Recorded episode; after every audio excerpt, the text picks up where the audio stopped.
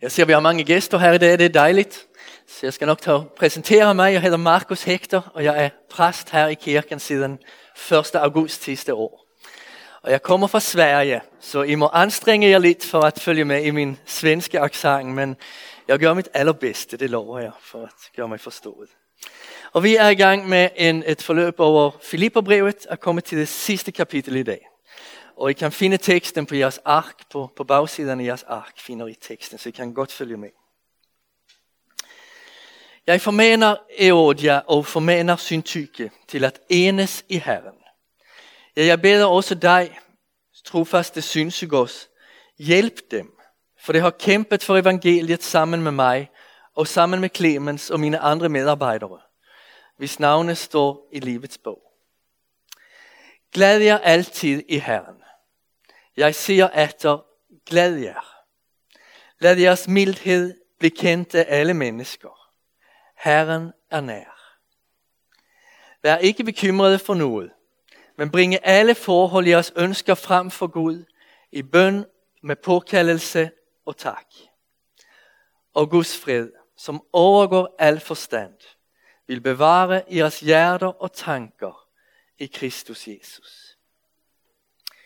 I övrigt, bröder och systrar, allt vad det är sant, vad det är edelt, vad det är rätt, vad det är rent, vad det är värt att älska, vad det är värt att tala gott om, kort sagt, det gode och det rosvärdige, det ska I lägga er på minne, på sinne.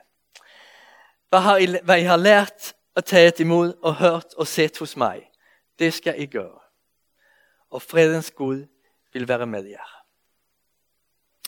Jeg glæder mig meget i Herren over, at I nu om sider har lavet jeres omsorg for mig blomstre op.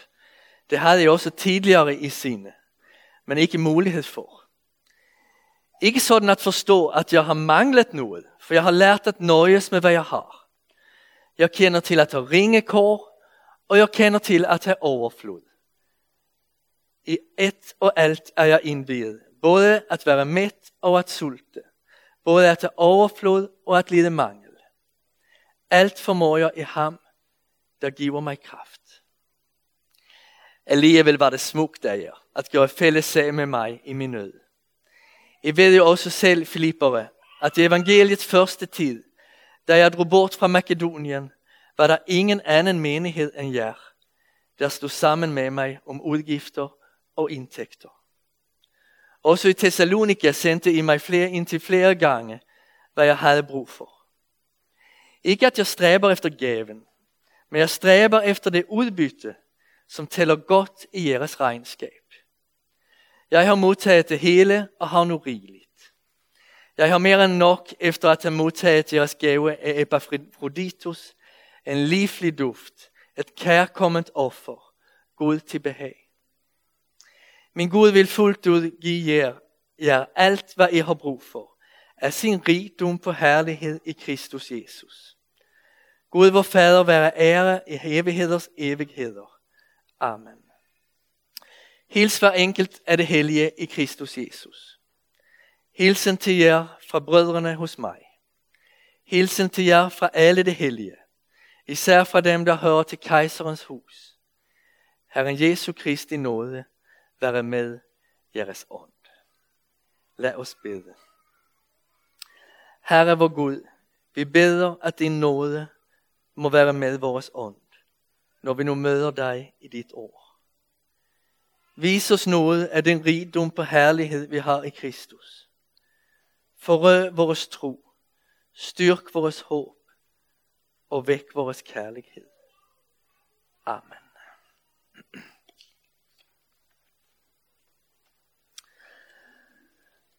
Paulus gør noget, som han ellers sjældent gør. Han formaner enkelte personer i menigheden ved at nævne dem ved navn. Det er spændende at se, hvordan han gør det. Jeg formaner Eodia og formaner Syntyke, indleder han. Kender I det fra da I var barn? Når min mor formanede mig og min bror, sagde hun ikke altid, hold nu op Markus og Michael. Nogle gange sagde hun, hold op Markus, og hold op Michael. Vi skulle begge tage vores del af ansvaret. Jeg formaner Eodia og formaner Syntyke. I øvrigt blander Paulus sig ikke i deres konflikt på dette stadie. Det skal det have lov til at selv prøve at få løst. Men han beder Synsygos at hjælpe dem. Synsygos er enten navnet på en person, eller titlen på en rolle i en menighed.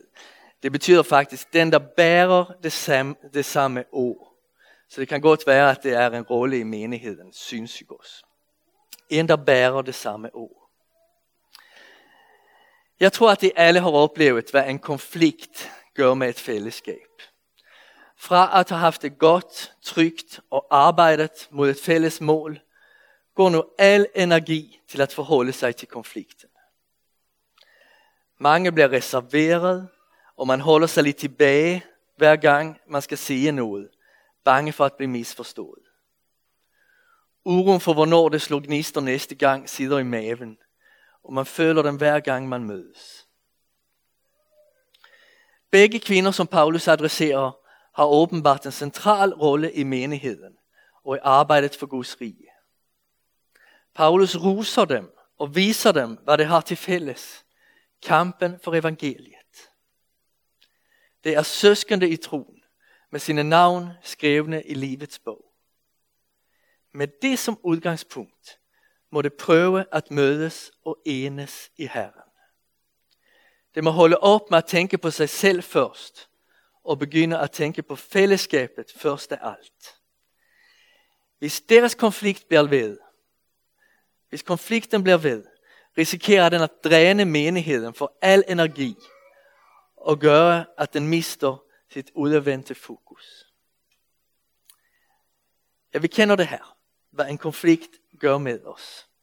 Så det er alvor, det Paulus starter med i dette kapitel her. Det er virkelig alvor. Hvor en menighed får løst sine konflikter og når enhed i Kristus, kan glæden vokse frem. Glæd jer altid i Herren. Ordene kan opleves både som et slag i ansigtet og som en stor trøst. Det er vigtigt at se, at Paulus ikke siger, glæd jer altid i jeres konflikter, eller glæd jer altid i jeres lidelser. Konflikter og lidelser har vi lov til at være kede af. Paulus siger heller ikke, hvordan glæden skal komme til udtryk. Den tager sig ikke samme udtryk i den, der har en melankolsk grundstemning, sin, sin stemning i livet, som i den, der har en lys og positiv. Den har heller ikke samme udtryk i den, der elsker gregoriansk, gregoriansk sang, som i den, der elsker moderne lovsang. Der er plads til forskelligheder i glædens udtryk. Det Paulus interesserer sig for, er grunden for den. Grunden for den. Han siger, glæd jer altid i Herren. Og hvad er så det? Jeg tænker på to ting. At glæde sig i Herren er for det første at dele Herrens glæde over livet. Vi ser et menneske, der rækker hånden ud efter et andet. Vi bevidner to personer, når de lover hinanden troskab. Vi ser et barn juble, når det lykkes at læse sol og råber, mor, far, jeg kan læse, jeg kan læse. Vi ser dette og meget andet, og vi glæder os. Vi glæder os sammen med skaberen, forsoneren og trøsteren. Han som har givet os livet. For han elsker livet. Glæden har sit udspring fra Guds eget hjerte. Glæd jer altid i Herren. Glæd jer over alt det, som Herren glæder sig over. Og det er rigtig meget. At glæde sig i Herren er også at glæde sig over hans velsignelse i Kristus. Vi må sørge over livets nederlag men glæde os over, at vores retfærdige Herre er den, der har al magt, og at han tilgiver vores synder, trøster os ved Helligånden og giver håb om evig glæde. En vækkelsespredikant i 1800-tallet, øh, der hed Karl Olof Rosenius, skrev sådan her i en salme. Ængstede hjerte, op af din smerte. Glemmer aldeles du alt, hvad du har. Frelserens venskab, nåde og kendskab. Endnu han lever og er som han var. Det er glæden i Herren, midt i en nedbrudt verden. Det er vigtigt, at som Rosenius, at som Rosenius her opfordrer til, nogle gange indimellem stanse op og nævne velsignelsen i Kristus for sig selv. Og lade den glæde hjertet. Vi kan tale længe om opgaven at tjene andre. At lindre nøden, at dele evangeliet, vejlede børnene, leve etisk og helliggjort. Men alt dette bliver til tunge pligter, uden glæden i Herren. Hvordan bliver jeg motiveret til at fortælle om Kristus for andre, hvis jeg ikke er glad for ham? Hvis jeg ikke synes, at han er, at han er en, der beriger mit liv? Hvis jeg ikke opfatter han og livet til ham som attraktivt? En, krist, en kristen er kaldet til tjeneste, men tjenesten er altid borgen af glæden i Herren. Der er Paulus opfordring. Glæd jer altid i Herren. Og der er dagens tema. Tilfreds i Kristus. Tilfredse i Kristus. Det er simpelthen så vigtigt det her. Så vi må altid søge os tilbage til glæden i Herren. Glæden over livet, som han giver os, og glæden over hans velsignelser i Kristus. Det må bære os i vores liv. Lad jeres mildhed blive kendt af alle mennesker. Sådan fortsætter Paulus. I må gerne sidde med i tv-sofaen og udtale jer om alt muligt. I må gerne blive kendte. Men se til, at det I er kendt for, er jeres mildhed. Konkurrer ikke kun om at blive Danmarks, Danmarks lækreste spasser. Ja, man undrer nogle gange, hvad land man har kommet til, altså faktisk. Konkurrere om at blive Danmarks mildeste person. Hvorfor er dette så vigtigt? Fordi vi mennesker åbner os ikke for en person, der er uberegnelig, hård, lunefuld, sarkastisk og hånlig over for andre. Vi åbner os for den, som er mild. Mildhed er simpelthen så vindende. Og som en åndens frugt i vores liv vokser den ud af Guds nåde. Jeg hører tit personer i Bornholmerkirken sige, at her skal det være plads til at lave fejl. Jeg kunne ikke være mere enig, og jeg øver mig i at agere ud fra, at det er den holdning, vi praktiserer her. Afgørende for sådan et nådefuldt miljø er mildhed. Lad jeres mildhed blive kendt af alle mennesker. Vær ikke bekymrede for noget, fortsætter Paulus. Heldigvis er han ikke lige så naiv, som han lyder. Paulus ved udmærket godt, at ingen kan holde op med at bekymre sig på befaling. Men han er nødt til at skrive det, fordi han ved, at enten får uroen os til at bevæge os væk fra bønnen, eller får bønnen os til at bevæge os væk fra uroen. Det er en lidt mærkelig sætning, han skriver. Bring i alle forhold jeres ønsker frem for Gud, i bøn og påkaldelse med tak. Jeg ønsker bøn og påkaldelse. Det hører fint sammen. Vi overlader alt til Herren. Og når vi har gjort det, så gør vi det igen. Indtil vores bekymringer hviler hos ham, og vi kan give slip på dem. Men tak. Hvorfor skal vi takke samtidig med at vi påkalder? Fordi der sker noget med os, når vi overlader alt til Herren. Tingene kommer i deres rette lys, i deres rette lys. Vi får en årsag til at sige tak, fordi at han tager bekymringerne. Når han gør det, leder han os ind i sin fred. Og Guds fred, som overgår al forstand, vil bevare jeres hjerter og tanker i Kristus Jesus. Forleden uge kom disse ord til mig, da jeg sad i bilen på vej til arbejde. Og jeg fik grund til at bede Kristus om at bevare mine tanker og mit hjerte i ham den arbejdsdag. Det blev så tydeligt for mig, hvor meget jeg behøver at bede den bøn. Den er en modkraft mod uro og bekymringer, som Paulus taler om her. Men også mod tanker af mindeværdighed, højmod, bebrejdelser, mismod, foragt.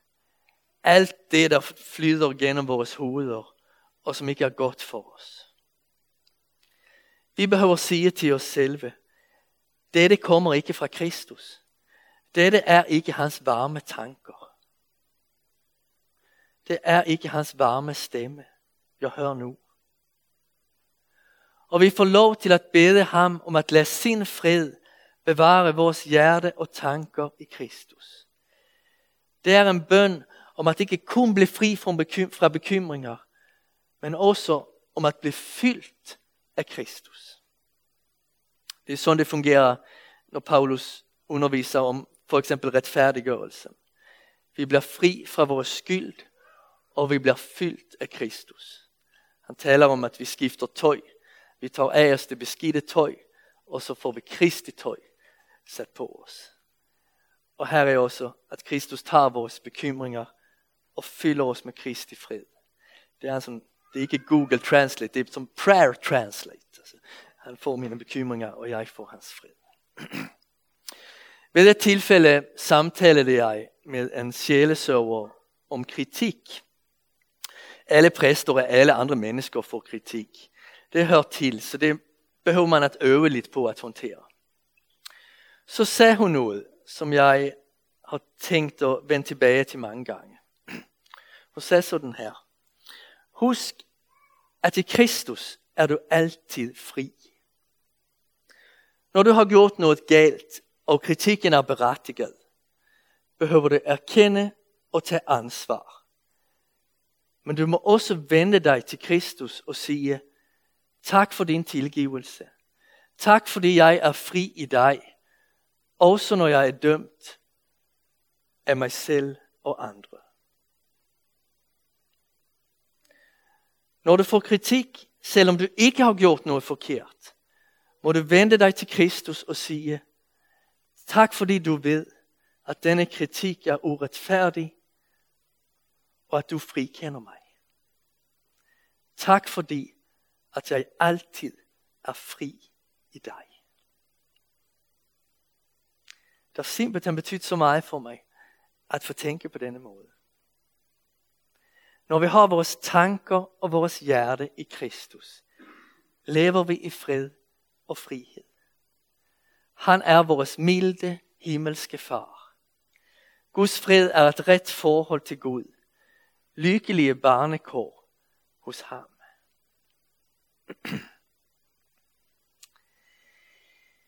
I øvrigt, brødre og søstre, nyt tema, ny opfordring. Praktiser det, der er sandt, ædelt, rent og rusværdigt. Hvad dette er, råder det faktisk ret stor konsensus om. Og det opfattes på mange områder som det samme indenfor som udenfor kirken. Den etik, som Aristoteles formulerades i, det, i den nikomakiske etik, har kirkens teologer således i stort set helt kunnat genkende fra Bibelen og bekræftet som, som værd at udgå fra. Aristoteles udviklede en lære om dyderne, en dyd er en god øvet vane, en karaktervane, som for eksempel mådeholdenhed eller retfærdighed eller mod. Kirkens teologer har justeret og videreudviklet Aristoteles dydsetik. Og til den tilføjet de tre teologiske dyder, som Gud indgyder ved heligånden. Tro, håb og kærlighed. Så sådan ser kirkens etik ud øh, i middelalderen og, og fremover. Menigheden her har mødt Paulus og oplevet et menneske, der praktiserer det sande og rosværdige. Han beder dem at følge ham i det. Det må gerne bekræfte alt det er godt uden for kirken. Og ved at leve helligt må det selv bidrage til det fælles gode, gode både indenfor og uden for menigheden. Noter og stræb efter alt, hvad der er sandt, hvad der er ædelt, hvad der er ret, hvad der er rent, hvad der er værd at elske, hvad der er værd at tale godt om, kort sagt det gode, gode og det rosværdige. Så den, det står vi fælles med som menighed og i det samfund, vi er en del af. Noter det og stræb efter det. Glæd jer over det, hver gang I får lov til at se det. Paulus øvede karakter og hans virke i kraft af tro, håb og kærlighed har gjort ham i stand til at klare alle mulige livssituationer. Han har blevet en utrolig robust, et utroligt robust menneske. Men han benægter ikke, at det udfordrer ham. Jeg kender til at have ringekår, og jeg kender til at have overflod. Ringekår kan være årsag til skuffelse, frustration og jalousi. Overflod kan være årsag til arrogance, højmod og nærighed. Paulus praktiserer nøjsomhed i fattigdommen og ydmyghed i rigdommen. Han formår alt.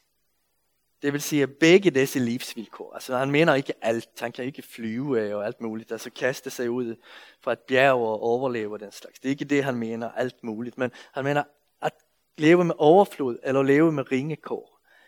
Hvordan livet end, end, end bliver. Så kan han klare det i kraft af Gud. Det er en stor tryghed for Paulus. Livets vilkår kan skifte. Han ved, at han klarer, hvad enten der måtte komme. Han lever for at ære Gud, uanset hvordan livet så folder sig ud. Derfor fremstår Paulus moderat i sin glæde over det gaver, som han har fået fra menigheden i Filippi. Det er skønt at have fået rigeligt, men det der virkelig glæder Paulus, er hvad gaverne siger om menigheden i Filippi. Så det er hele hans fokus her. Når vi taler om at give og at ofre af sine penge, sin tid og sit engagement for Guds rige, er vores fokus for det meste formålet. Vi giver til mission, sådan så at arbejdet i Indien kan fortsætte. Vi giver til en børnemedarbejder, sådan så at vi kan få et fungerende børne- og teenarbejde. Vi fremmøder i kirken en lørdag eller mandag for at ordne med mad eller højtalere eller renovering eller noget andet, sådan så at faciliteterne fungerer godt og vi kan gennemføre vores program. Når Paulus her taler om menighedens givende, gør han det ud fra Guds vurdering. Jeg glæder mig meget i Herren over, at de nu omsider har lavet jeres omsorg for mig blomstre op. Det har det gjort i Herren, altså i tro og til Guds ære. Paulus takker Herren for menighedens generositet og at det har udviklet evnen til at give. Hvordan ser så Gud på deres gave? Jo, som en livlig duft, et kærkomment offer, ham til behag. Det er sådan vores Herre ser på det ofre, som vi gør for kirken. og for Guds rige. Det er en livlig duft, et kærkomment offer, ham til behag. Og det skal du vide, som offrer af dine penge, af din tid, dine kræfter. Herren ser det, og han nyder. Hvad er udbyttet af vores offer for Guds rige? Det tæller godt i jeres regnskab, skriver Paulus. Gud vil lønne dem for deres generositet. Min Gud vil fuldt ud give jer alt, hvad I har brug for, af sin rigdom på herlighed i Kristus Jesus. Og i dette kapitel har han vist os, hvordan alt som er godt for os, er at finde i Kristus. Der har vi rigdommen på herlighed. I ham kan Eodia og Syntyke enes. I ham finder vi en bestående glæde og fred for vores tanker. I ham ser vi alt, som er sandt, ædelt, ret, rent, værd at elske, være at tale godt om. Kort sagt, det gode og det rusværdige. Ja, Kristus, han lemliggør jo alt det der. I ham findes kraft til at klare både mangel og overflod. Menigheden i Filippi har vist tydelige tegn på hengivenhed, generositet og tro. Og derfor kan Paulus give dem dette løfte om herlighed i Kristus Jesus. Han ser, hvordan det efterhånden vokser ind i Kristi rigdomme og fyldes af hans godhed. Min Gud vil fuldt ud give jer alt, hvad I har brug for, af sin rigdom for herlighed i Kristus Jesus. Så slutter Paulus af med at vende tilbage til hvor han startede brevet. Med hilsner til hele den forenede kirke og med en hilsen om Guds nåde til menigheden. Den nåde, som gør Filipperbrevet til et glædens brev. Herren Jesu Kristi nåde være med jeres ånd. Når jeg tænker over, i hvad sammenhæng man bruger det udtryk i dag, er liturgien i folkekirken faktisk det, det eneste, jeg kan finde på, altså, eller lignende liturgiske sammenhæng. Allerede efter den første salme i folkekirken siger præsten, øhm, Herren være med jer, og menigheden svarer, og med din ånd. Eller, og Herren være med dig. Ånd betegner det, som kun det troende menneske har. Alle mennesker har krop, og alle mennesker har sjæl. Ånden er den modtagelighed for Gud, som Helligånden skaber i et menneske. Præsten beder, at Gud skal være med menigheden, når det fejrer gudstjeneste. Det trænger til hans hjælp, for at det skal blive dem til liv og velsignelse. Herren være med jer. Og menigheden svarer med at bede for præstens ånd, om beskyttelse for hans tro, mod anfægtelser og rædsel, sådan at han kan lede tilbedelsen og forkynde frimodigt. Herren Jesu Kristi nåde være med i jeres ånd, beder Paulus for menigheden i Filippi, og i forlængelsen for os. Med den hilsen indleder vi i dag den stille uge. Og vi må også bede for hinanden, om at vi må blive bevaret i vores ånd, i en frimodig tro, i en tro som hviler på Kristus og på hans nåde. Ja, som hviler på alt det, som han vänt på korset og som vi fejrer i næste weekend. Herren Jesu Kristi nåde være med jeres ånd.